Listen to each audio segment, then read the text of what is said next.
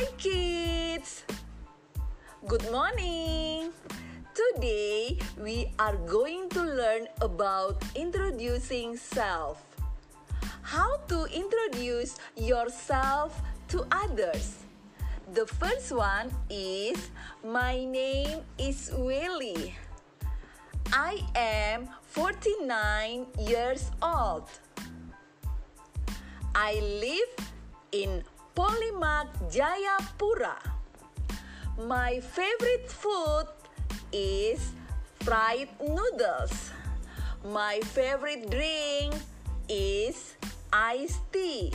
And my favorite color is orange. Bye bye.